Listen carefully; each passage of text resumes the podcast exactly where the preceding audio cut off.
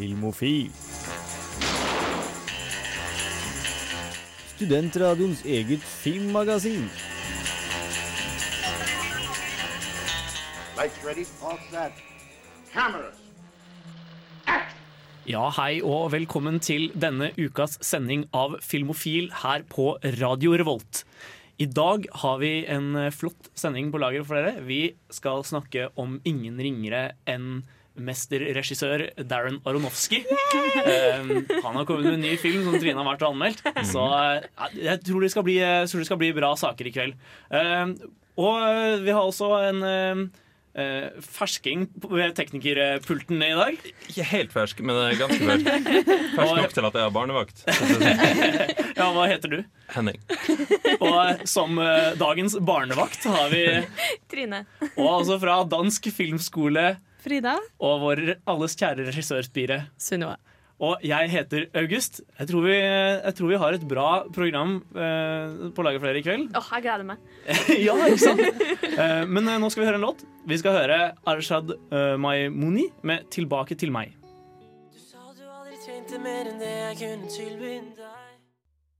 Ja, og her på Filmofil så begynner vi typisk med å prate om ting vi har sett forrige uka. Og eh, Frida, har du sett noe spennende i det siste? Ja, eh, jeg har sett en ganske kjent film som Samfunnet viste i går Ja, i går. I går på biblioteket, det ikke det? På biblioteket, ja. Um, som heter 'Paris Is Burning'. Og det er en veldig eh, For dere som har hørt om den før, så vet dere hvorfor jeg halter litt med å beskrive den. Fordi det eh, er en person som har fulgt eh, dragmiljøet i New York. Ja. Um, På 90-tallet? jeg lurer på om det er overgangen til Ja. 90-tallet. Og, Uh, med, ehm, og sånn det fungerte der, er at veldig typisk så har transfolk eller folk med um, eh, annen enn cis kjønnsuttrykk, da, eh, har jo typisk da blitt utstøtt fra hjemmene sine. Så mange er jo hjemløse og bor sammen i hus, som de kaller det, med én eh, mor, eller, eller en mor og en far som på en måte passer på disse yngre som ellers lever ute på gata, og at de har et veldig sånn spesielt miljø, og så møtes de, og så har de sånn dansebattles. eh, og det, eh, det startet da Eller de oppfant en stil som man kaller voging, som jeg tror kanskje noen har sett i Madonna har brukt det i noen av musikkvideoene sine. Det tok av etterpå, men det er egentlig veldig klart den gjengen som har sin stil og har helt egen slang. Har helt egen, og det er en veldig flott film som følger alle Eller en, viss, en liten gruppe med disse, disse folka, da. Uh, ja. Jeg skulle jo egentlig fære og se den, for jeg har så jævlig lyst til å se den. Jeg har bare sett litt av den, fordi den ligger på Netflix. Mm. Og, men jeg har jo sittet og sett på RuPaul's Drag Race Mm. i en evighet nå, og der nevner de alltid som in the great tradition of Paris is burning. Yeah, yeah. ja. Open. Den er veldig eh, Det er mange eh, sånn Pride-festivaler som viser den, for det er en veldig kjent dokumentar. Men jeg vil bare si at den er også skikkelig omdiskutert, fordi hovedsakelig så er det da ikke hvite folk som den følger, mens regissøren er en hvit kvinne. Uh, cis- hvit cis-kvinne, så den har blitt sett på litt som sånn derre hva skal du si, litt sånn der antropologisk, en som kommer inn og liksom studerer disse rare. Og veldig ofte så har eh, pride-arrangementene gjort veldig lite for å motvirke det. De har typisk invitert da regissøren og andre hvite folk til å snakke om den, i stedet for folk som er med i filmen. Ei. Så nå har det vært en runde hvor folk har sluttet å like filmen, og regissøren har liksom tatt til orde for å få med sånn at de fortsatt gjenlevende for ganske mange av eh, de som intervjues i filmen, ble jo drept senere, for det Ja.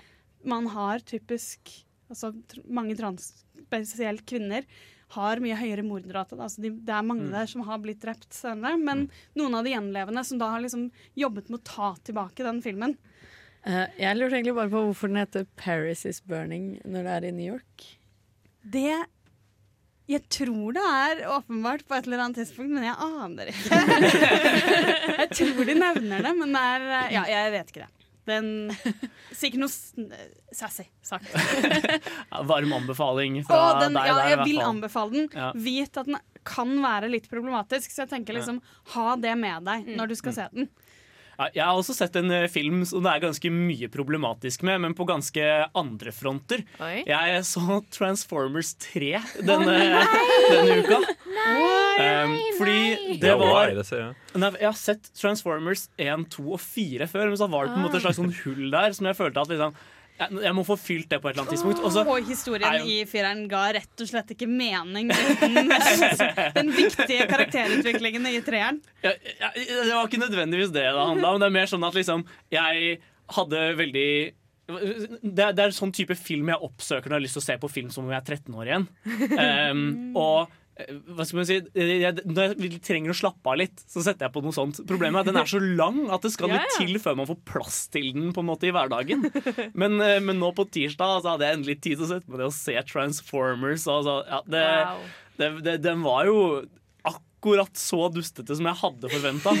Eh, akkurat like dårlig syn på liksom bare alt annet enn soldater som jeg hadde forventa. Men det var, det var litt gøy òg.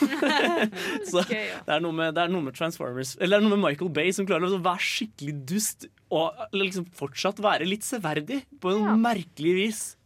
Ja, men nå er det på tide å høre en låt. Jeg syns vi skal høre Jon Olav med Hei Erna. Det er deilig å vite at vi er trygge i landet vi bor i. Ja, Hei Erna fikk dere der. En temmelig relevant låt i disse dager. Ja.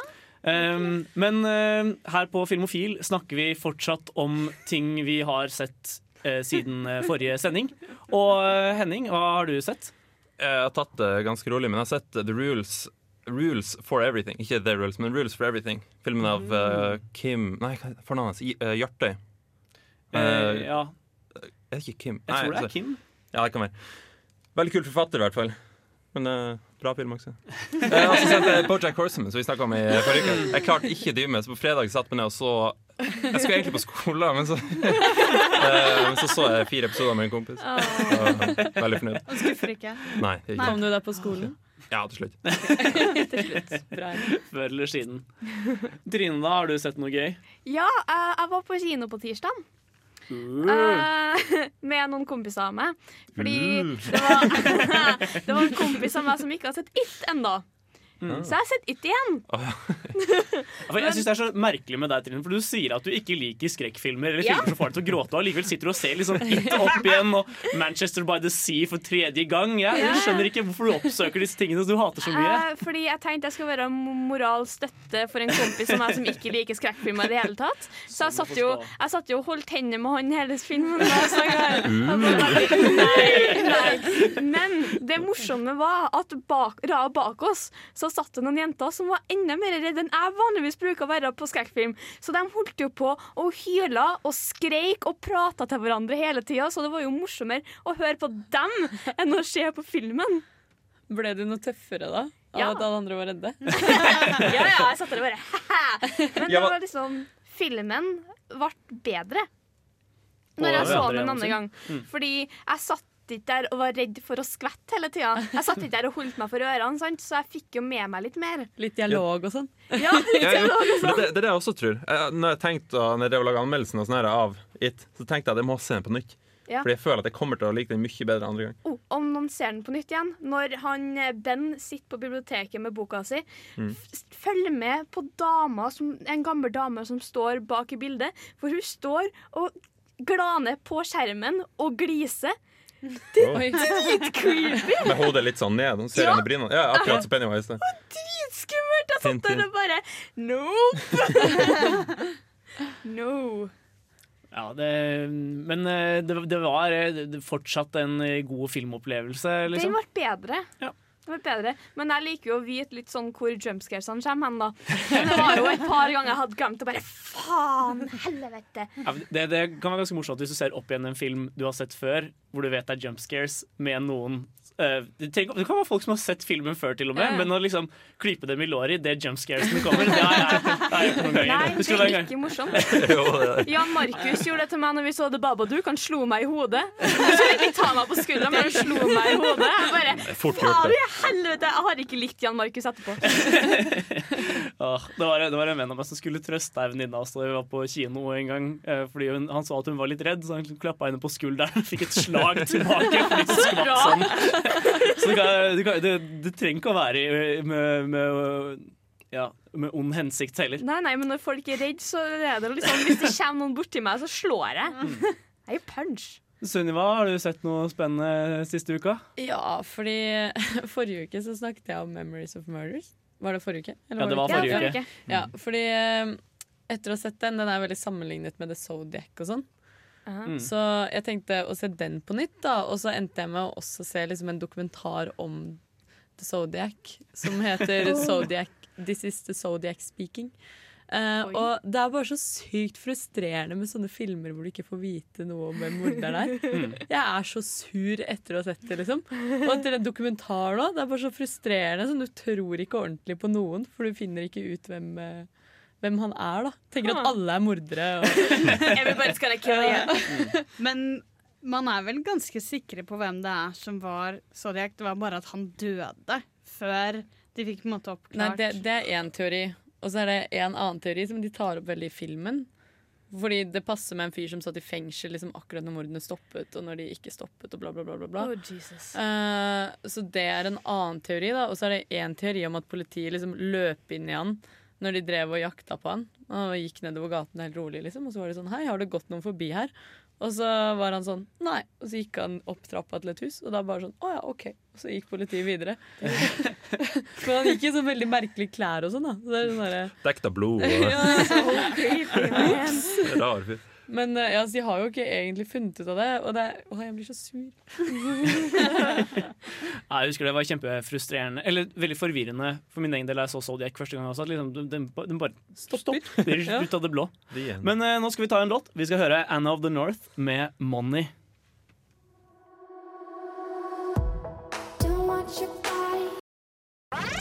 Filmofil gir deg nyhender fra filmen og fjernsynets i spanende verden.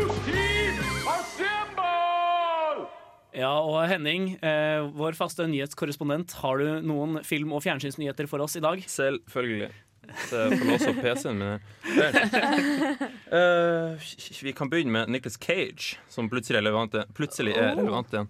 Han skal lage en film som er beskrevet av mange som Eller av en artikkel jeg lest, som uh, 'Snakes on a Plane', men det er heller eksotiske dyr på en båt. Den heter vel Sue on a Boat? Nei, det, heter, det heter faktisk ikke det. Det var, det var en tulletittel jeg kom opp med. Den heter 'Primal'. Som er en litt lame tittel. Jeg skulle Nei, ønske vi heter Sue Bolt. helt det. Nei, han spiller en, eh, altså en jeger da, som jobber for en dyrehage. Og, eh, antageligvis en eksentrisk jeger, vil jeg tro, som han alltid spiller. Men, Ja, det er ikke Nicholas Cage hvis han ikke er eksentrisk. Nei. nei. Har han tatt eh, rollen fordi han er blakk? Ja, for det, det var noe jeg leste i denne artikkelen. At det, sånn som det var beskrevet i introduksjonen til denne artikkelen, så var det et Hva du kaller det? En, en gammel spøk, presenterte det som, at Nicholas Cage tok dårlige filmroller for å betale ned gjelda si. Og det jeg har jeg aldri hørt om før. Men jeg, jeg leste litt opp om det. Vet du hva, Jeg vil heller at han skal lage National Treasure 3 enn å ta noen andre dumme filmroller. Bare gi meg National Treasure 3, så er jeg fornøyd.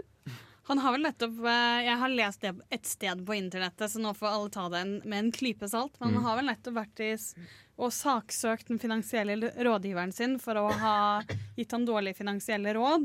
Og så da det gikk over saken, så viste det seg at han har liksom kjøpt sånn alle albinodyr som fins Ja, i hele er verden. har Og rådgiveren har sagt sånn Vær så snill, ikke kjøp alle albinodyr. Ja, det er som skal være med på båten?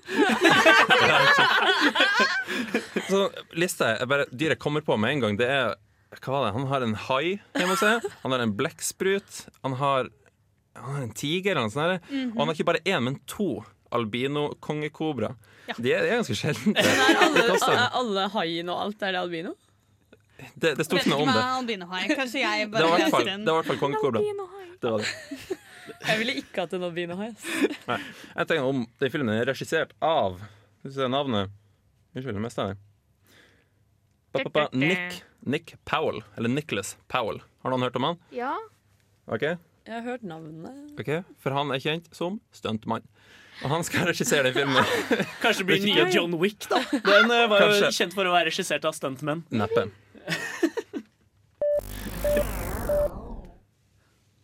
JJ Abrams skal regissere Star Wars episode XI. Det her- det her er- eller- ja. Hvorfor tar du det rett før? Ett minutt på å diskutere dette! Kjør! Ok, ok, kjør. Jeg er litt irritert, ok? for jeg ville gjerne at de skulle ha tre forskjellige regissører til å lage hver eneste film. Jeg er Ja. veldig redd for om at når JJ Ambrose har fått den her nå, så kommer han til å kjøre det samme veldig safe valget når han skal lage episode ny. Samtidig mye heller JJ Abrams enn Colin Trevorrow. Ja, For det- Colin Trevorrow er en dritkjedelig da kan, regissør. da kan de heller få Ryan Johnson til å lage både åtteren og nieren, da. Hmm. Kan vi koble opp navnene mot hva de har gjort her? Ja. Colin Trevorrow er da mannen bak Jurassic, Jurassic World. World. Oh. Er det han er liksom kjent for å ha lagd. Ja. Mens eh, JJ Abrams Hysj, hysj. er jo mannen som har lagd de nye Star Trek-filmene, Ja. Super 8. Ja. uh, ja, Mye rart. Og han som skal lage episode åtte nå, lagd Looper. Den med eh, Jeff- John, Joseph John Gordon-Levitt og Bruce ja. Willis. ja, men nå skal vi høre en låt. Vi skal høre Mikael Paskalev med Bad Boy.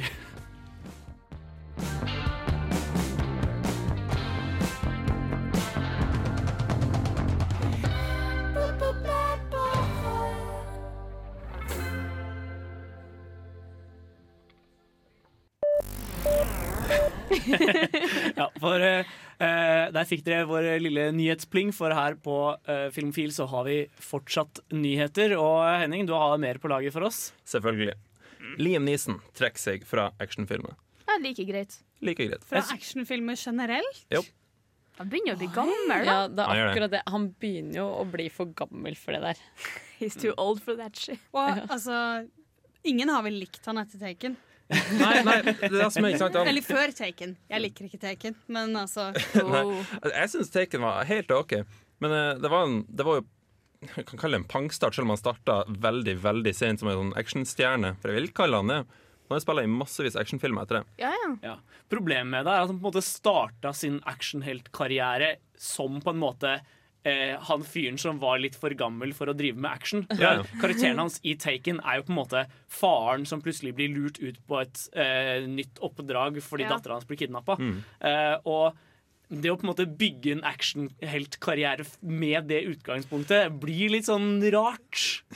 Altså, jeg syns han er mye koselig Eller han ser litt for koselig ut for action uansett. Så jeg, ja, eller, eller, ikke, ja, eller eh, hva heter det? for noe? Liste. Eller sånn. Så koselig! Nei, han er jo veldig søt. Du kan, du kan kalle det rart, men det er jo, hadde vært bedre hvis han var sånn her La oss si Vin Diesel om 20 år, liksom. Hadde det vært kult, liksom. Oh.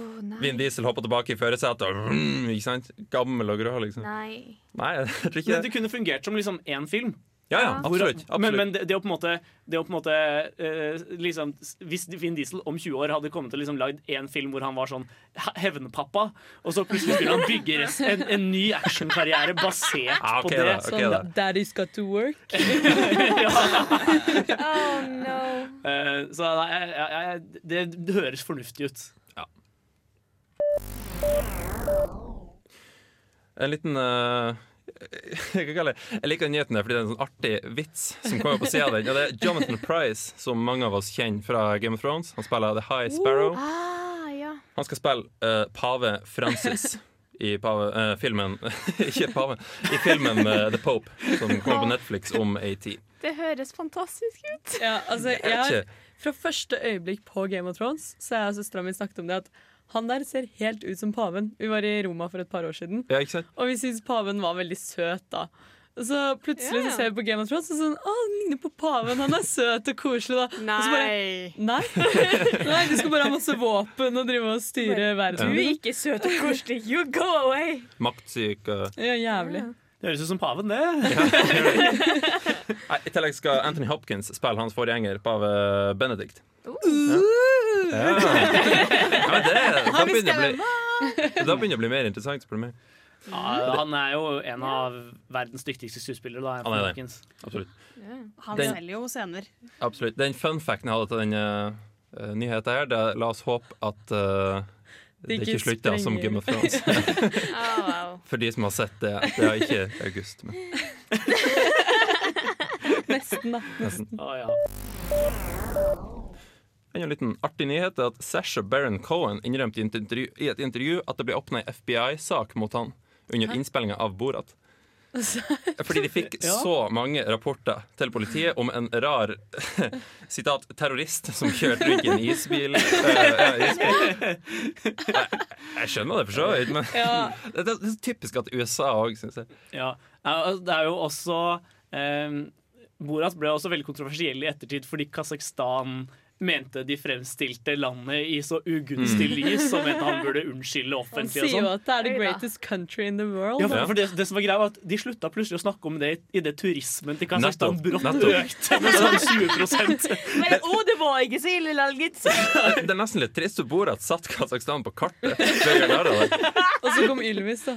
Eller nei, det var Kirgisistan. Ja, det var Det var Kirgisistan. Men Er det ikke en eh, OL eller et eller annet hvor uh, Kasakhstan vant en gren, og så spilte de eh, ikke den ekte nasjonalsangen, men Borat- sin tullesang. Jo, stemmer det. Det husker jeg det var. Da tenker jeg de var litt Ah. sinte igjen. Da Ja, jeg ikke så mye med Ja, det, det, turisme. var, det var mens de var sinte, tror jeg, faktisk. Det var før de hadde Ai, ai, ai. Men, men jeg tenker litt sånn da Hadde jeg vært på ferie i USA og så sittet på en eller annen uh, tube, og så hadde noen kommet og liksom lagt en høne i fanget mitt, så, så hadde jeg også blitt skeptisk. Da. Det er ikke rart de fikk klager. Ja, Borat det er litt av en, eh, litt av en skikkelse. Men uh, nå skal vi høre en låt. Vi skal høre King Cruel med Check One her på Radio Revolt.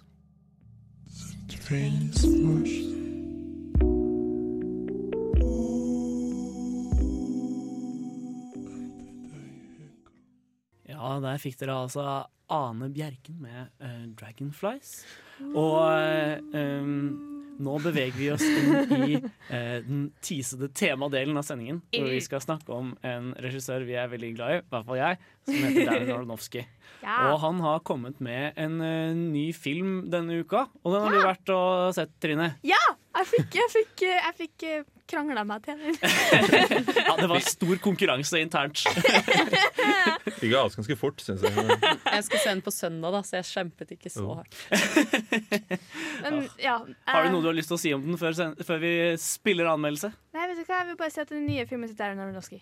Og mer enn det Bare, bare vi- kjør på. Kjør anmeldelse. Please, come in. Hello. Hello. He's a stranger. We're just gonna let him sleep in our house. Mother er den ferskeste filmen til regissør Darren Aronofsky, som tidligere har gitt oss perler som Requiem for a Dream og Black Swan. Aronofsky har slått til igjen og har gitt oss enda en perle som kommer til å skinne en god del framover. Hello. Did you know he had a wife? I want to thank you for your hospitality. He has pictures of you in his luggage. What were you doing in their luggage? Mother handler om et ektepar spilt av Jennifer Lawrence og Javier Bardem, som bor i en idyllisk villa midt ute i ingenmannsland. En dag dukker det opp en mann, spilt av Ed Harris, som søker ly for kvelden. Ting blir verre når hans kone, spilt av Michelle Pfeiffer, dukker opp og begynner å tukle med ting de ikke burde tukle med. Mer enn det her vil jeg ikke fortelle om, fordi det her er en film det gjelder å gå inn uten å vite noe som helst. Gjerne hold deg unna trailere også, fordi den reklamerer for en litt annen film enn det du tror du skal få. Det jeg kan fortelle, er at historien følger veldig mange av Aronofskys kjennetegn, så bare gled deg til å bli mektig forvirra når du forlater kinosalen. Why don't you want kids? Excuse me? I saw how you reacted earlier. I know what it's like when you're just starting out and you think you have all the time in the world. And, you know, you're not going to be so young forever. Have kids. Then you'll be creating something together. This is all just setting. Aronofsky er en mester på å lage en stemning i filmene sine som virkelig ikke lar deg slappe av, og i Mother viser han virkelig hvordan man skaper en slik dyster og creepy stemning. Han bruker filmatiske triks som skaper denne ukomfortable stemninga, ved hjelp av lyddesign, som virkelig får deg til å sitte på kanten av setet, og kameravinkler og utsnitt. Han gjør huset om til en labyrint fra første scene ved bruk av nærbilder av Jennifer Lawrence. Han har virkelig slått på stortromma når det kommer til det tekniske i filmen. Really. Sjøl om jeg skryter veldig av den filmen her, så har den, som mange andre fantastiske filmer, noen små problemer. Det største problemet jeg har med Mother, er slutten. Det er noe Aronofsky har hatt med på slutten av filmen, som jeg tror ikke kommer til å gå så godt overens med mesteparten av kinopublikummet. Bortsett fra det her, så er det ikke så mye annet å sette fingeren på. Kanskje at Jennifer Lawrence er litt vel Jennifer Lawrence av og til, men hun spiller fortsatt fantastisk. Det er en virkelig godt satt sammen film av en fantastisk regissør. They've come here to see me. Så om du så 'Reckon for a Dream og Black Swan og tenkt jeg trenger en film som blander det dystre og skumle i de her to filmene, og setter dem litt på steroider, så er virkelig Mother noe for deg. You give and you give and you give. It's just never enough. What do they want? They're waiting. Waiting for what?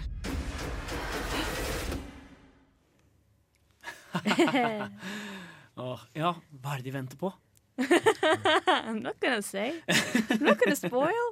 Når du sa liksom sånn blanding av uh, Wrecking for a Dream, Black Swan og steroider, Ja. så ble jeg ganske interessert. Ass. Fordi det er liksom OK, filmen følger liksom litt sånn vanlig dramaturgi på starten, og så kommer slutten, og ting flyr veggimellom. Det går batshit crazy. Jeg satt der og bare eh, eh, Sikker på at jeg sitter på samme film som jeg kom inn på. I don't know what this is. Eh, jeg har jo sett traileren, dessverre. Eh, men uh, den gir meg litt sånn vibber til sånn Rosemary's Baby og sånn. Er det Ja. Det, Kan det stemme, eller? Den har blitt sammenligna med det av enkelte reviews jeg har sett på Letterboxd. Men det er liksom Det er mange som tror at de går til en skrekkfilm, og det gjør du ikke. Nei. Du går til en sånn skikkelig psykologisk thriller som aldri lar deg puste. Bra for deg, da. oh, Altså, jeg har også sett traileren, men jeg skjønner ingenting av hva den handler om. Og det gjør ikke du når du er ferdig med å se det. Sitter der og bare What was this about again? I don't know. Men en ting jeg har vært litt sånn bekymra for, var, var visual effectsene. Men holder, de holder mål? Ja, ja. Jeg, jeg la liksom ikke merke til at de var der. Hmm. Nei, for det, det var, det, da jeg så traileren, så var jeg, fikk jeg litt sånn eh, Den så litt ut som et eller annet Guillermo del Toro kunne laget. eh, sånn rent estetisk. Ja. Og ja, hans, hans, hans stil er sånn 50-50 hvorvidt det funker eller ikke. Ja. Eh, noen ganger så er det liksom blandingen av, av uh, dataanimasjon og på en måte live action god, mens Mm. andre ganger så blir det skikkelig krasj. Så Eh, det, det er på godsida med Guillermo del Toro, liksom.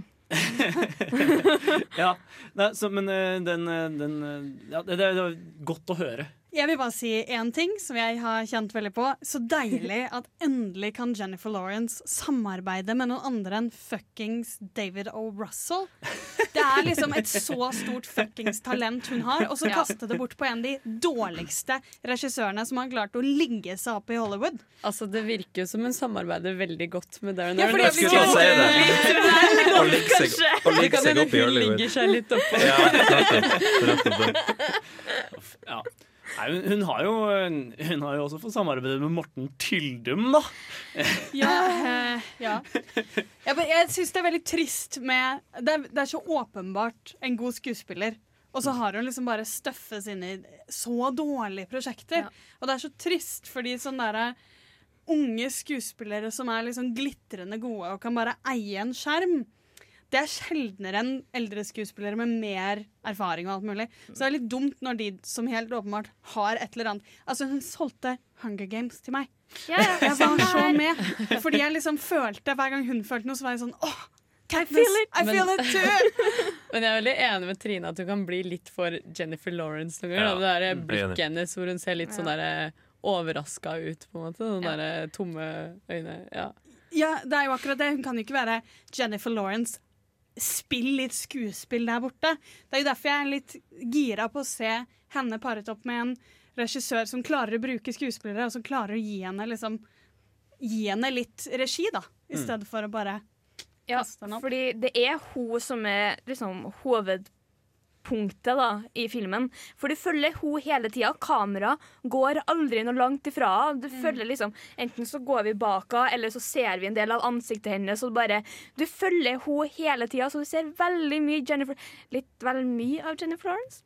Men det ble jo gjort veldig fint i Black Swan. Med, med Natalie Portman Ja. så har han klart den der veldig tette relasjonen med én person er som skal ikke på Natalie. Portman-nivå, men det er bra. Vi skal ikke kreve det. Men eh, vi skal snakke mer om hvordan Mother føyer seg inn i resten av filmografien mm. til eh, Aronofsky etter hvert. For det er jeg veldig spent på, da. um, men eh, før vi skal gjøre det, skal vi høre Evigheten med Turbulensen her på Radio Revolt.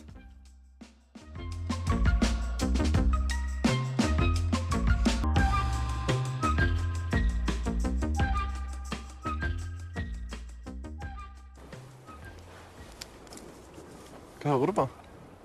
Nei, det er litt sånn spesielt. Jeg tror ikke det er noe du har hørt om, egentlig. Å ja. Test meg ut, da. Ok. Filmofil. Faen, mann, det er jo en klassiker. Satan, har du hørt det? Jeg skal ha hørt om det.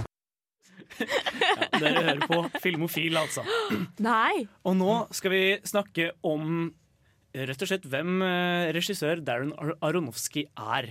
Um, som sagt, han er en eh, regissør vi mange holder, holder kjær, men, uh, men uh, ja, er det, hva er egentlig bakgrunnen hans? Altså, jeg, jeg har lest meg litt opp på han, og han er jo egentlig utrolig normal.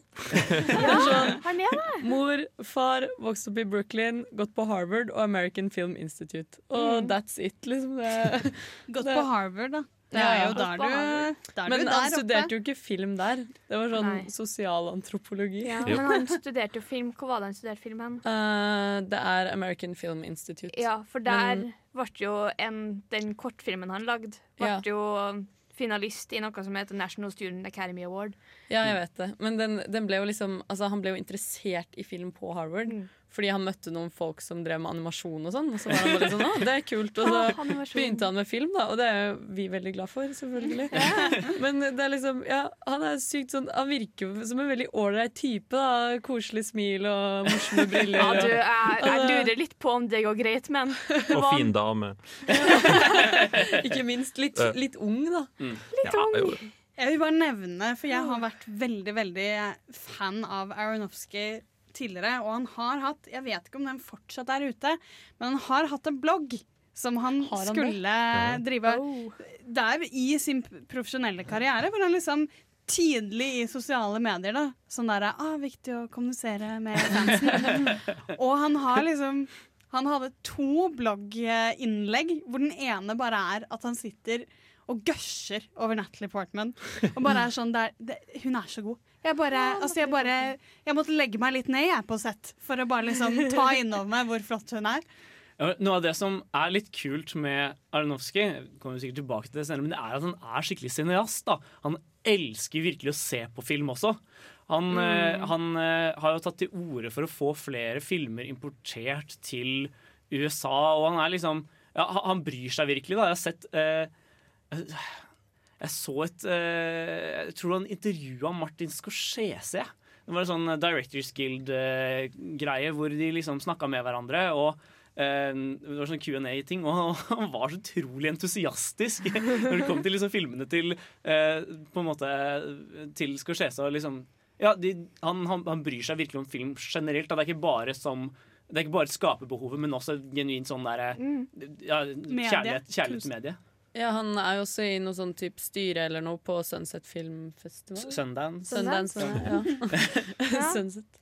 Uh, fordi hvis folk er litt mer interessert i å høre liksom, mer om Darren Aronofsky om, i sammenheng med Mother, da, så har han nettopp gjort en Reddit AMA Mm. om Mother, men det var noen som spurte jeg bare du, Er du sikker på at det går bra med deg? Liksom bare, Hei, uh, går det bra med deg? Han bare Ja, ja, det går kjempebra med meg. Hvordan går det med deg? Sånn, for det er litt sånn når han har de type filmene som han har, da, så er det liksom Du begynner å sette litt spørsmål Ja, hvor psyken hans egentlig er. Det er bare, du er sikker på at det går bra med deg? Har du noe fortrengt som du virkelig har nødt til å snakke om? Altså, Jeg forventa liksom litt sånn derre Å, vært i litt sånn dårlig miljø, mye drugs, bla, bla, bla. Det eneste jeg kunne finne som Jeg kunne finne noe som helst connection til filmene, var egentlig at søsteren hans er, er, har gått på sånn profesjonell ballettskole.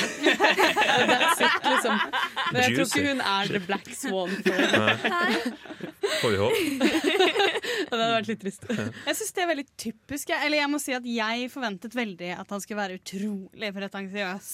Litt sånn derre meg og mitt. Men det gir jo kanskje me mening sånn i en person at han får litt sånn utløp for all sin, alle sine innfall og sånt, og liksom klarer å bearbeide nok til å putte det i filmform. For du klarer ikke bare å være psykotisk, og så blir det en film. Nei, du må nei. jo være nok på plass til å lappe sammen filmen òg. Ja, ja. Kanskje han får liksom utløp for alt uh, han har i filmene sine, og så kan han liksom gå hjem og drikke kaffe For på morgenen. ikke så hadde han gått på en murder spree. Nei, nei, bare at det holder. Det er en sunn måte å uttrykke seg selv på. Jeg har lest en del om det han sier om motivasjonen til filmene sine, og det går igjen igjen og igjen at han har lyst til å fortelle om ting som han føler at ingen andre snakker om. Mm. Og det Mm. tror jeg det ligger mye i. da At Han har jo ikke opplevd det selv, men det er ting i samfunnet som ikke blir tatt opp. Han har lyst til å lage en film om søvn, liksom. Ja, det er jo også mye cautionary tales, det han, det han Ja. driver med. Ting han, ting han, tendenser han ser i samfunnet som han vil ha satt en stopper for. Oh, it's bad. Men nå skal vi høre Unge Ferrari med hologram her på Radio Revolt. må du si noe, baby.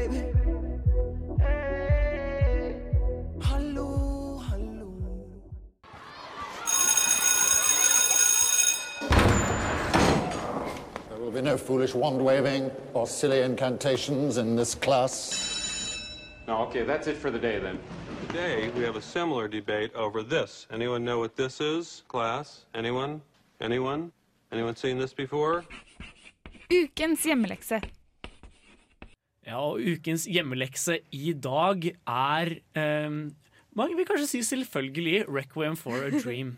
Ja. Eh, 'Requiem for a Dream' var den andre filmen Aronofsky lagde. Ja. Eh, rett etter debutfilmen 'Pie', som er ganske eh, Ja, den er, den er litt hakket mindre tilgjengelig, eh, men 'Requiem Ja. for a Dream' ble på en måte virkelig gjennombruddet hans. da Og kanskje litt dårligere. Jeg vil bare legge på at 'Requiem for a Dream' er veldig bra! Det er ikke bare liksom hans mest kommersielle. Det er også et liksom Den Nei, slår deg i magen, da. Ja, Den er ganske Ja. kunstnerisk Ja, kompromissløs, på tross av på en måte sitt lavbudsjett og sånn. Altså, jeg husker første gang jeg så den, og det var på videregående. Og da hadde de liksom Vi hadde sånn eh, dag hvor vi liksom skulle snakke om uh, viktige temaer og sånn. Uh, og så putter de hele trinnet mitt inn i, i en sal, og så setter de på den. Eh, og det var veldig sånn derre Don't do drugs. Uh, you will die. Or ass Eh, to ass. Ja. Mm. Men eh, den, altså, det var jo ingen som sa et ord når de kom ut derfra heller, da. Det var jo utrolig virkningsfullt. Kanskje greit å forklare hva filmen handler om? Eh, fordi filmen handler jo om eh, Det er en gruppe på ja, fire-fem mennesker som er liksom tilknytta hverandre gjennom familierelasjoner og vennskap og sånt. Eh, som alle har på en måte eh, hver sin drøm som de prøver å få gjennomført. Sånn, en har lyst til å bli liksom rik, hun ene har lyst til å komme på TV. eh, og de har liksom ja, De har et slags sånn eh, mål om å oppnå den amerikanske drømmen. da. Eh, og så ser vi hvordan dette leder dem inn i en sånn russpiral som bare går sakte kvern ned. og, når man kommer ut, så er man typisk sånn nedbrutt. Man, jeg husker Da jeg hadde sett den første gang, så måtte jeg bare ringe en venn av meg. sånn, Kan, kan du komme ned? Jeg trenger selskap. Bare alene hjemme og liksom Ja. okay. Orka det ikke. Altså, det er jo en film som tar opp ulike typer avhengighet. Da. Mm. Ikke bare avhengigheten av narkotika, men også avhengigheten av andre ting. Og at andre ting også kan bli misbrukt på samme måte som narkotika. På en Mm. måte. Røyk er en avhengighet, penger er en avhengighet.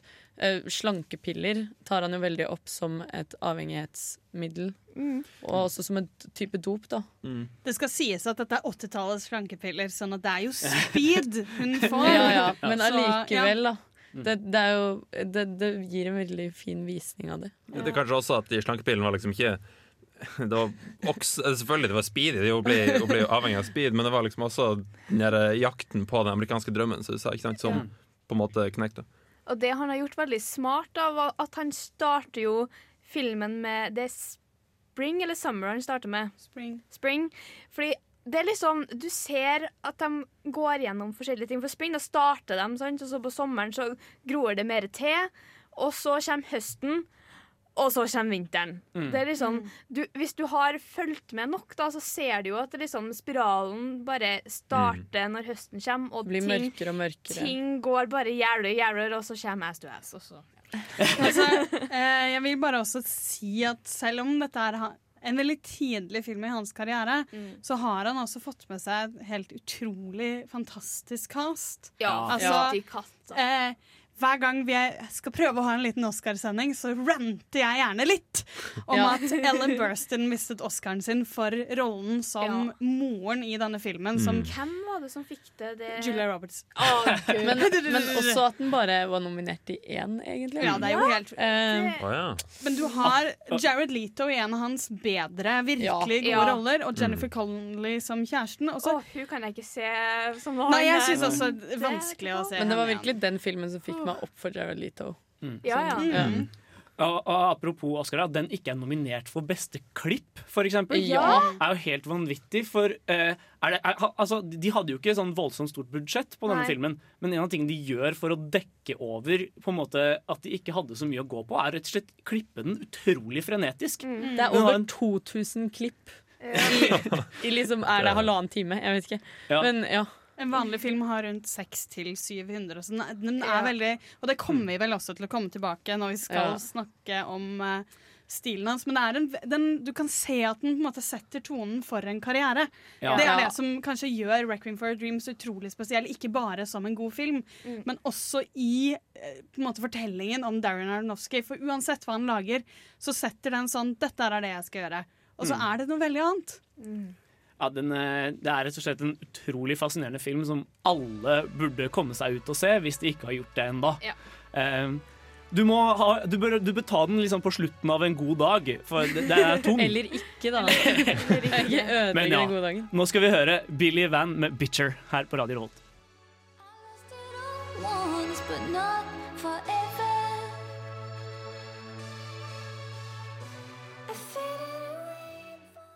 Ja, og her på Filmofil i kveld så snakker vi om eh, regissøren Darren Aronofsky. Ja. Og nå skal vi bevege oss litt inn på hva slags stil som kjennetegner filmene hans. For han har, en ganske, han har ganske mange karakteristiske kjennetegn, denne mannen.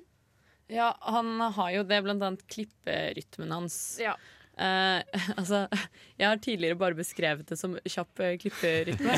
uh, men det viser seg at det heter hiphop-montasje. Mm. Eh, og det er da et eget begrep som eh, er hvis du tar bilder eller actionsekvenser i, i fast motion med lydeffekter til. Mm. Eh, og dette brukes veldig ofte i, Står som eksempel på nettet, i hvert fall. At de bruker det veldig ofte i anledning hvis de skal vise noen som tar drugs, da. det er jo- så det er jo det han gjør i for Naturlig Dream. i forhold til Requiem for a Dream, i hvert fall. Og det skal jo sies, Han har selv sagt at det kommer fra at han har vokst opp i Brooklyn og sett, liksom, vært med i Ja. sånn hiphop-dominerte miljøer. Og så har han på en måte tenkt på hvordan skal du uttrykke da avhengighet på en skjerm. Hvordan skal du få publikum til å føle det, i stedet for å bare si Eh, nå tar vi litt heroin da, folkens. Fordi, eh, det, skal, eh, det er faktisk litt fun fact. Han, han sier aldri heroin i den filmen. Han sier aldri faktiske navnene på stoffene han bruker, Nei. for han tenker at det holdes tilbake. Og så vil han heller liksom dra deg med inn i det. Og det får han jo Og til. det får han Ja. jo til! Det er jo derfor vi alle griner sånn etterpå. Du sitter der jo når klippene kommer, og det Mm. går liksom bare fortere og fortere og fortere. Ja. Og fortere, og du bare Oh my god. Du blir nesten sliten av å se på det, men det er jo det de føler. Så det er på en måte greit. Ja, du blir sliten av det. Og det syns jeg vel kanskje er en av hans Det er jo ikke egentlig noe han gjør, men på en måte hvordan han bruker alle stiltrekkene sine. Han er veldig bevisst Det på det. er så bevisst. Det er aldri sånn derre Se her, da, dere. Her har jeg filmet litt ovenfra. Det er fancy. Det er ikke sånn som Nolan, da, som for meg er veldig Ja. sånn teknisk perfekt. Men jeg skjønner ikke helt alltid hva han vil. Eh, vi trenger ikke gå inn på Nolan. Jeg skjønner at mange har andre følelser, men der er det på en måte perfeksjonen i seg selv er en- god nok grunn til å ha noe med. Og det opplever man veldig sjelden med Aronofsky. Han skal alltid et sted med liksom kjapp klipping. Eller Ja, jeg er. føler at han alltid bruker det for å oppnå at du skal føle det samme som karakterene. Ja. Eh, Du skal få være med på historien deres, og det setter jeg i hvert fall veldig pris på. Ja, Som i Mother, når han bruker veldig mye nærbilde på Jennifer Lawrence. Da føler, du, du føler deg liksom like isolert som hun gjør.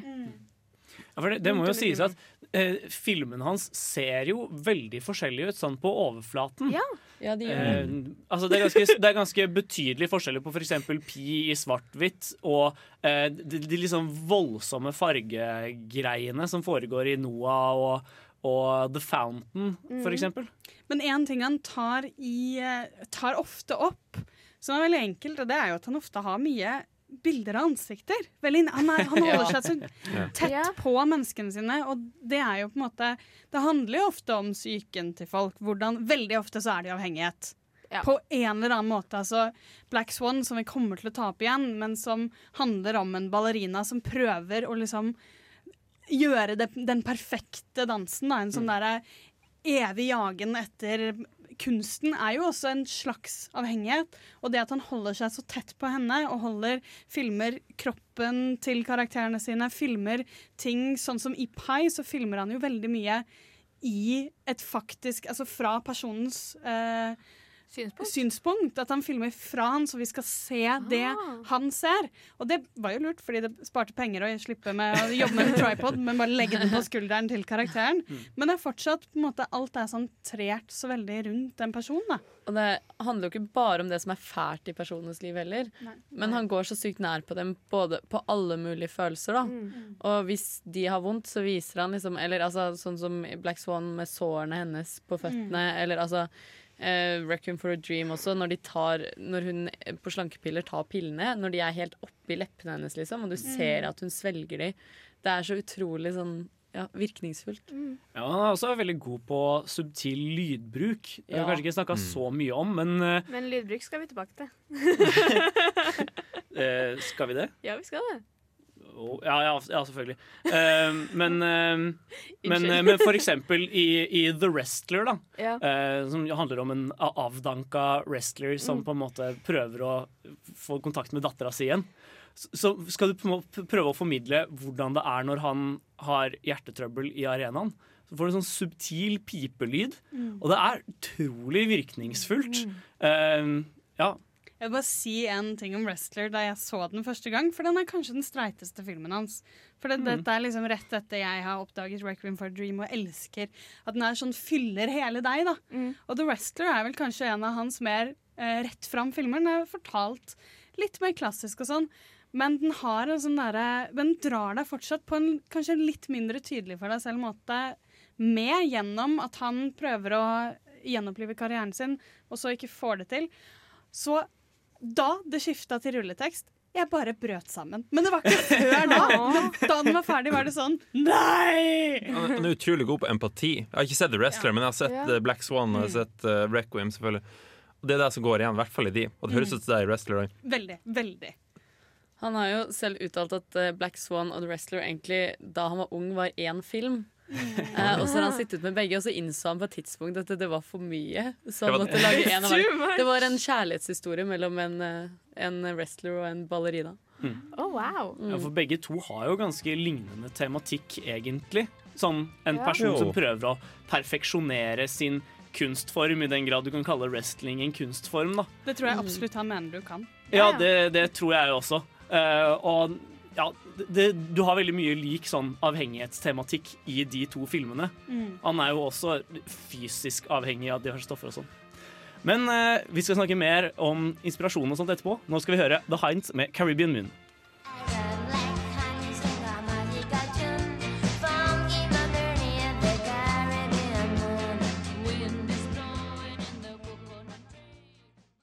Ja, og Darren Aronofsky, eh, som vi snakker om her i kveld på Filmofil, eh, er jo en mann som er veldig åpen om inspirasjonskildene sine, og har veldig tydelige inspirasjonskilder.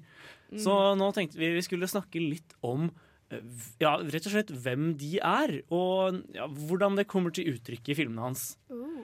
Og eh, Sunniva, har du noen eh, gode eksempler på lager? Eh, altså, han eh, har jo tydelig sett på anime, da. Eh, og da Jeg vet ikke helt hvordan man uttaler det, men Satoshi Kon. Ja, takk, August. Eh, som han jo helt, helt direkte har kopiert scenene til Mm. eh, i et par tilfeller. Blant annet 'Requiem of a Dream'. Jeg vet ikke, hvor- jeg vet ikke hvordan plagiat funka i filmverdenen, men, men altså, jeg har altså- sett de to scenene. Hei, du har Paprika og Inception. Også Ja. Satoshi Khan, for dere som i dag ikke vet hvem det er, så er det en eh, person som lager eh, Det er da Paprika, er en veldig kjent film, og Mm. så er det? Oh, ja. eh, er Og så har han Perfect Blue. Perfect Blue. Millennium. Actress Ja. og også Tokyo Godfathers. Men det var dessverre de eneste filmene han fikk lagd før han døde. Ja. Veldig dyktig han døde jo veldig ung. Ja. Men eh, det som var med han, var jo også det at han ble jo ikke så introdusert til Vesten, på en måte.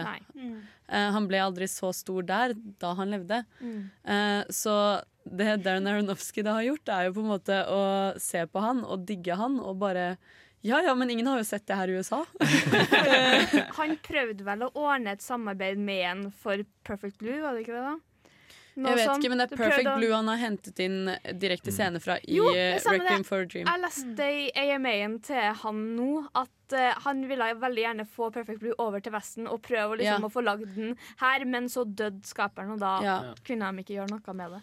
Ja, og- det må jo sies at Satoshi Kon er jo kanskje det, det stilistiske grepet han er kanskje mest kjent for, er den veldig høye klipperytmen sin. Ja. Eh, og ja, det er jo ikke, det er jo ikke mm, til å komme bort fra at Aronofsky har, blitt har latt seg inspirere av det, i hvert fall. Men han har også mange vestlige inspirasjonskilder.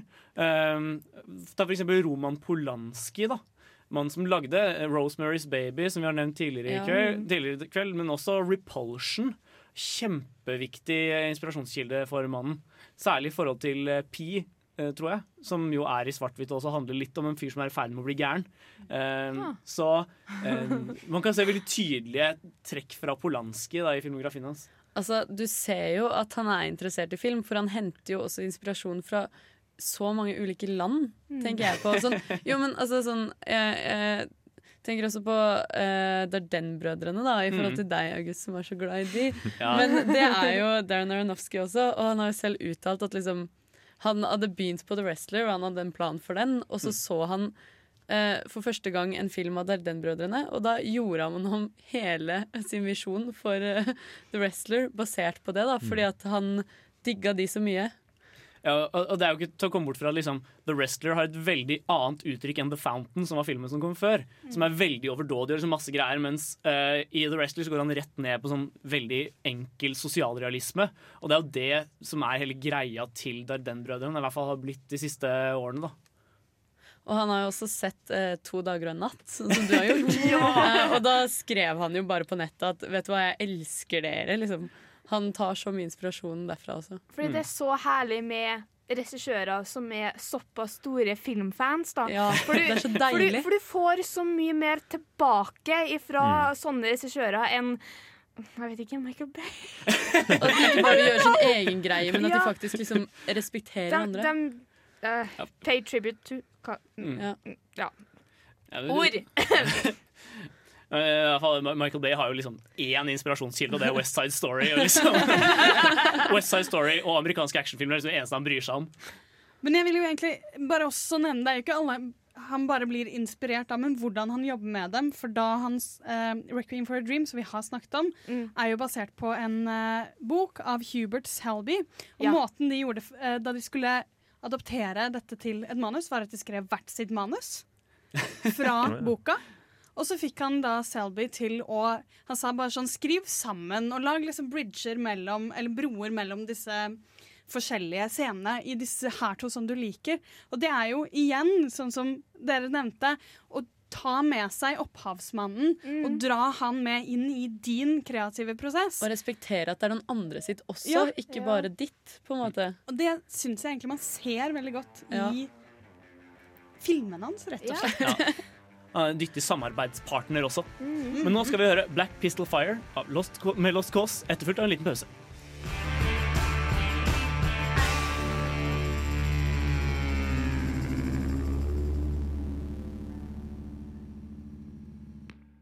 Play it once, Sam.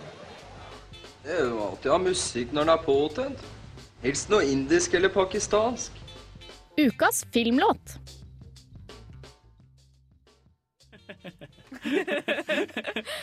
Litt sånn eh, småtekniske problemer her.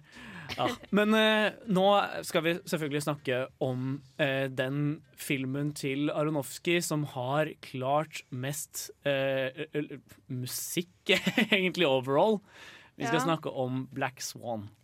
Um, for ja, han, eh, han er, Aronofsky er også veldig god til å bruke musikk motivert. Ikke bare eh, lyd og klipp og fotografi og skuespill, men, men også musikk. Han er flink, med andre ord. Det skal også sies at det er den eneste, tror jeg, hvor eh, en av skuespillerne har vunnet Oscar for rollen.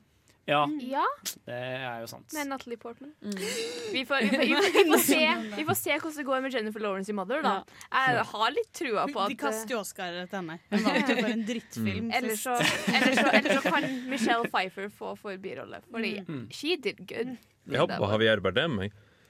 Ja, Han var kanskje ikke så bra. He's so, he's so creepy. Ja, er Han er så skummel! Han har allerede vunnet en for å være creepy. Men skal vi så det- snakke om lyd, eller? Ja, Unnskyld. Og Vi kan kanskje si kjapt hva Black Swan handler om, også Ja. sånn uh, litt mer uh, i dybden. Det handler om uh, en ballerina spilt av Natalie Portman. Som heter Nina. Ja, som får i oppdrag Eller som er på en en del av en ballettropp Mm. som skal sette opp 'Svanesjøen' av Tsjajkovskij. Og eh, tvisten da ved denne forestillingen er at samme jente skal spille både den sorte og den hvite svanen. Og at eh, eh, Ja. Det krever, det krever sitt av, av eh, vedkommende som skal gjøre det.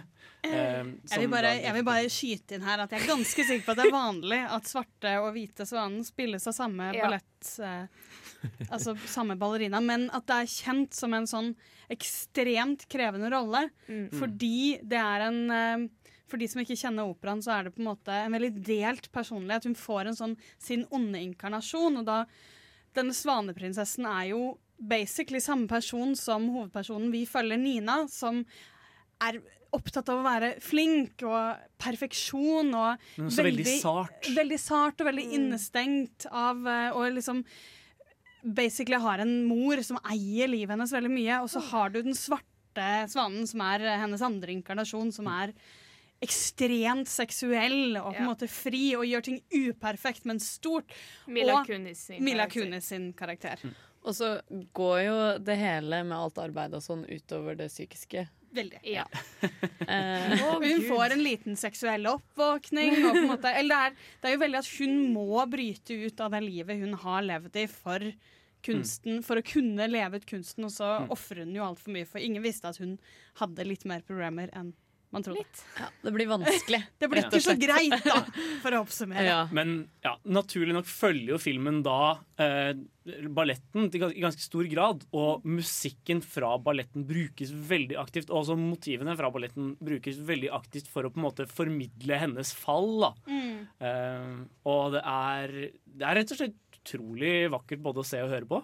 Ja, for det er en sånn Kanskje en veldig spesiell film for han, syns jeg, fordi den er så Den stuper på en måte veldig inn i skjønnheten hele tiden. Det er den derre Du ser disse ballerinaene som er så utrolig elegante, og så tar de av seg skoene, og så ser du på en måte samtidig det derre Mm. hvor mye de ofrer, hvor f utrolig ødelagte føttene deres blir. Og det er liksom den derre kontrasten. Men her har han til en større grad enn de fleste andre filmene jeg har sett av han, så drar han inn denne vakre delen av det også. Mm. Så du får pauser i å se på at hun danser, og det er pent, egentlig. Ja. Du har jo, I den filmen der så har du jo noe av hans beste lydarbeid noen gang. Da. Fordi det liksom Du merker desto mer psykisk um, skada hun blir, eller desto verre da psyken hennes blir, desto mer høye lyder får du av og til. Du får litt sånn det, Alt blir liksom eksponert ekstra mye. Mm. Du, får, du legger liksom merke til alle lydene som er rundt omkring henne, og så ja. Ah, jeg tror vi rett og slett bare skal høre Svanesjøen som den blir spilt i Black Swan.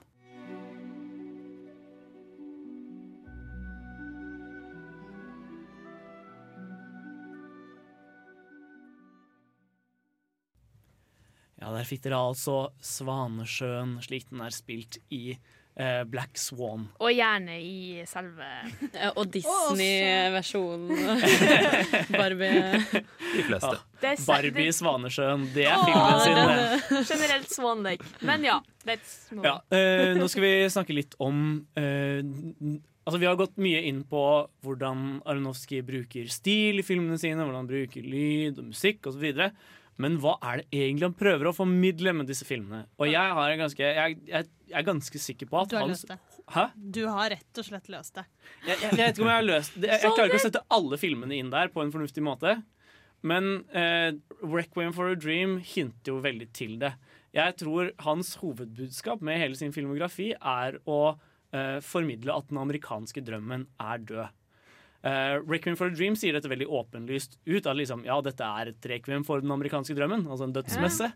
Uh, men du ser det også, du ser også veldig tydelig tilsnitt av det, særlig i Black Swan, med Nina som på en måte forderver seg selv helt for å på en måte oppnå denne berømmelsen, denne storheten. Ja. I The Wrestler så ser du etterdønningene av det. Med han som, du ser at på en måte med en, selv, om, selv om han har oppnådd den amerikanske drømmen, han har blitt stor og kjent wrestler, går jo til helvete med han.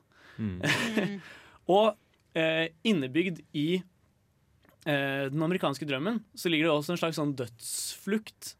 Man prøver å på en måte Det er en grunn til at de sier 'Fame, I'm gonna live forever' i sangen 'Fame'. Eh, handler rett og slett om at det, det, det er en slags Det ønsket om å bli udødelig da, er veldig innebygd i eh, denne drømmen om berømmelse osv. Og, og det det er jo hele premisset for eh, The Fountain.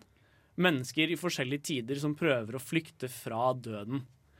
Så jeg tror, jeg tror eh, den amerikanske drømmens fall er et veldig essensielt tema for Aronofsky generelt. Eh, litt tilbake til det jeg nevnte helt i starten, om det å At han hele tiden prøver å ta opp temaer som ikke eh, har vært med Eller som andre ikke tar opp, da. Eh, det er jo også litt i forhold til The Fountain. Mm. Eh, rett meg hvis jeg tar feil, for jeg har ikke sett den. Eh, men eh, men eh, det er Han snakket noe om at, at han hadde lyst til å lage på en måte en eh, oh, herregud, nå fikk jeg jernteppe. Åh, Åh, Matrix. Altså sjanger. En uh, ny sjangerdefinerende ja, science fiction. sci-fi, takk. Uh, han hadde lyst til å lage en sci-fi som gjorde noe nytt, da. Mm. Eh, og det er også på en måte noe som kjennetegner han, at han hele tiden prøver å på en måte Han tar ting som fins, Mm. og tematikken ligger jo ofte rundt den amerikanske drømmen, men lager en liten vri på det, da. Jeg syns også det du nevnte tidligere med empati er en veldig viktig del Mm. altså når vi snakker om kanskje spesielt folk som prøver å behandle liksom, drømmenes bakside. Da. Og det er ofte når man snakker om den amerikanske drømmen og prøver å liksom se på de menneskene som prøver å forfølge det, og som gir opp livene sine for det. Hvem er de? Hva føler de?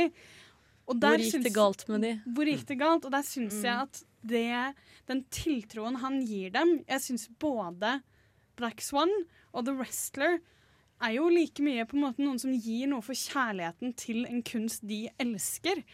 Og på en måte Jeg syns ikke han fordømmer dem direkte. Det er ikke sånn 'se her, så mye de suger', vil bare bli litt berømte. Jeg har aldri følelsen at de er på jakt mot bare berømmelse. Eh, de er på vei mot så mye mer enn det, da. For jeg føler jo at Jeg føler ikke egentlig at dette handler om at dårlige mennesker prøver å bli berømte. Jeg, prøver, jeg tror det handler mer om at samfunnet eller særlig det amerikanske samfunnet oppfordrer folk til å på en måte lete veldig etter denne, denne drømmen Eller søke veldig denne drømmen om berømmelse, og hvordan det ender opp med å ødelegge dem. da. Mm. Eh, at det på en måte er mer en slags sånn Samfunnet er ødelagt, og her er de som lider konsekvensene av det, heller enn en sånn disse er dårlige mennesker. Litt sånn som, litt sånn som moren i A Reckon for a Dream, da. Mm. Som altså sånn Hun har bare lyst til å komme på TV. Hun er ingen. Sønnen er ikke der. Mannen er jo er vel død, tror jeg. Hun har liksom ingen, og det eneste hun vil, er jo å komme på TV og passe inn i den røde kjolen sin. Ja, fordi hun har jo en det, Her har han lagt til en fantastisk te, eh, scene. Detalj, ja. Der hvor hun sitter og forteller sønnen sin Han kommer og sier 'Men mamma, du tar speed. Kan du være så snill å slutte?' Og hun er sånn 'Men du vet ikke hvordan hverdagen min er. Og du Også, tar heroin. Men altså sånn Hun på en måte Hun forklarer han det, han- hvordan det handler om å bli gammel, hvordan det handler om å miste på en måte livet ditt rundt deg. Og hun sier det veldig fint med en grunn til å stå opp om morgenen. Så jeg Ja. synes han legger det veldig fint inn at det handler ikke om TV-en. Det Nei. handler om at det er det som fyller livet hennes. Og den røde kjolen som hun hadde på seg med mannen sin, Ja. hun ser tilbake på det og taper det, på en måte. Og så har du de nye filmene som Noah, og så har du Mother, som går litt mer inn på kristendom og religion. Det er veldig rart. Mm. Det er bare sånn Jeg føler at han har gjort et skift. Men det er også en tematikk som ligger på en måte til grunne veldig i USA, da. Ja, Som er et sant. samfunns... En del av samfunnet. Men bare Mother er, De har basically Kane and Abel inni der på et tidspunkt, og det er litt sånn oh, wow. Å, gud Det er, og det er tungt på den tematiske fronten, altså. Ja, veldig, og veldig mye Altfor mye symbolikk. Ja, det, er, det er noe han driver mye med. Men nå skal vi høre Asap Mob med 'Feels So Good'. I can't relate. Uh, yeah, no. To none of you rappers or actors, I swear that these niggas be fake. No. Ja, og i kveld snakker vi på Filmofil om regissøren Darren Aronofsky. Ja! Og vi har ø, snakket veldig mye om hvor vanvittig glad vi er i fyren. Men sånn på slutten, for å avslutte med en liten downer, så må det jo sies at fyren har et par svakere sider også. Eh, det kom vel kanskje best til uttrykk i hans forrige film, eh, 'Noah'. For der er det en der, der, var det et eller annet som ikke funka sånn helt på topp. Jeg syns det er skikkelig trist at det er den filmen han har tjent mest penger på. Og den har 5,8 på IMDb. Det er skikkelig nedtur. Det er en film som er veldig lett å selge. da Og noe jeg har tenkt med Jeg er ikke helt med stemmer eller ikke, men jeg, jeg tipper at et kristent publikum trekker veldig lett til den. At de lett får på kino for å se den. Eller kanskje de tok ungene dit og sa oh, se, det er Bibelen i popkultur. Liksom. Kanskje det var fordi han bytta tematikk. Det var derfor det gikk så Ja. jævlig dårlig. Ja, men Det var vel ikke en steintroll i Bibelen, så vidt jeg vet. Nei, altså det som, det som er litt sånn Altså, du merker virkelig en slags sånn stormannsgalskap som ligger i, i Noah. Den er veldig, veldig mye. Eh, og altså det, Jeg liker det grunnleggende premisset han hadde på en måte lagt for seg selv, som var at uh, ok, eh, Noah, Når man hører historien om Noah og alle dyrene, så tenker man vanligvis liksom, en snill fyr som tok med seg liksom to og to dyr om bord på en flåte, og så seilte de av gårde. Uh, helt til, helt Litt til vannet sånn uh, forsvant. Nicholas Cage. Men uh, det, det Aronofsky tar for seg, er liksom Men dette er jo mannen som så på mens Gud drepte hele menneskeheten. Ja. Og hvor utrolig mørk den fortellingen egentlig er. Og det er skikkelig altså, Det som utgangspunkt er veldig effektivt. Men så begynner han med alt mulig annet rart. Som disse nevnte steinmonstrene som beskytter båten. Og bare masse, masse dataanimerte dyr. Og skikkelig sinna eh, ja, hvem er det? stammen der. Kan Ja, sinna stamme. Men Mm. bare Jeg skjønner liksom ikke helt hva han prøvde på med alt det andre. Altså, jeg vil jo også nevne kanskje Pai til eh, noens store irritasjon, men jeg syns den også er ganske rotete. For den er jo på en måte Requiem for a Dream uten den derre krispheten som han har senere. Senere så vet han så nøyaktig hvor han skal, men der er det litt sånn Dere! Hva hvis vi bare klipper veldig, veldig veldig fort? Så det var, prø det var prøverunden er det hans, da. Og så i tillegg prøver han å snakke om liksom matte og Gud, sånn at vi ender opp med sånn Så Gud er ikke noe bra, da. Eh, norske Gud. Mm. Men jeg, er helt enig med deg der. Jeg sliter jo også litt med det visuelle uttrykket i Pi. Fordi Mm. det er så utro altså, De skulle spare penger og gjorde det kjempegrovkorna eh, svart-hvitt. Eh, og altså det, det, det, Som en debutfilm, for all del veldig Ja, ja, imponerende. ja. Eh, men han, han kom seg et ganske solid steg opp Mm. sånn eh, formmessig når det kommer til, eh, til uh, Requiem for a Dream. Det er også mange som jeg har sett eh, at han egentlig skulle være med på, som jeg er veldig glad han har trukket seg fra. Sånn Wolverine, Mm. eh, for eksempel. Eller eh, ja, lignende. X-Men. Ja, og han har jo også Det hadde vært interessant, da. Ja, det hadde det, men jeg er litt glad. Ja, hvis vi ser på hva han har produsert og skrevet, så er det også en del sånn outliers der. Eh, for eksempel sånn andre verdenskrig-ubåtdrama som heter Below. Som jeg egentlig syntes var ganske grei. Så, men ha, så har du en som produsent på Jackie òg, da. Og Jackie var jo en av de beste filmene fra i fjor. Jeg er fortsatt litt sur over at uh, Natalie Portman ikke vant den forbanna Oscaren. ass. ja. Vant for Black Swan, da. Ja ja, men lell, hun var mye bedre enn forbanna Emma Stone i La La Land! Huh! Ja, jeg synes det, Den Oscaren kunne jo også vel så gjerne gått til Amy Adams for 'Arrival'. Da. Hun var jo ikke da. nominert engang. Stakkars Mens uh, Meryl Streep skulle nomineres som Ricky and the Flash. Oscar-akademiet, vi elsker dem. Men i hvert fall, nå skal vi høre en låt. Vi skal høre 'Broen' med 'Time' her på Radio Revolt.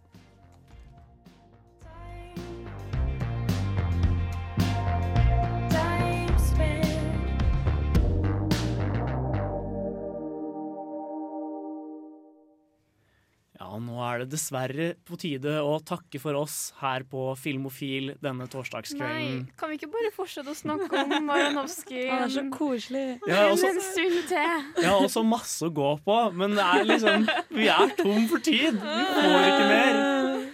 Ja. Men eh, ja, vi, er, vi er i hvert fall veldig veldig glad i Darren Holinovsky og kan egentlig Ja. anbefale alle å se alle filmene hans. Alt. Eh, Selv Noah. Ja, den, det er mye interessant i den også.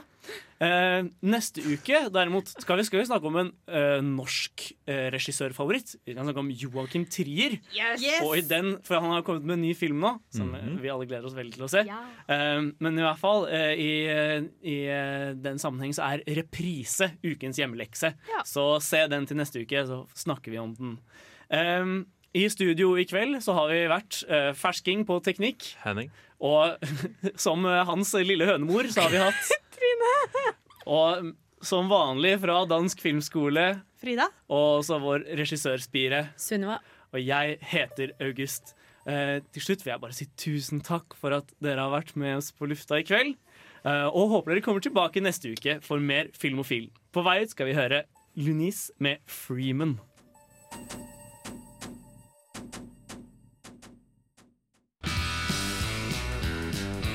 Du lyttet nettopp til en podkast fra Radio Revolt. For å høre flere av våre podkaster, gå inn på radiorevolt.no.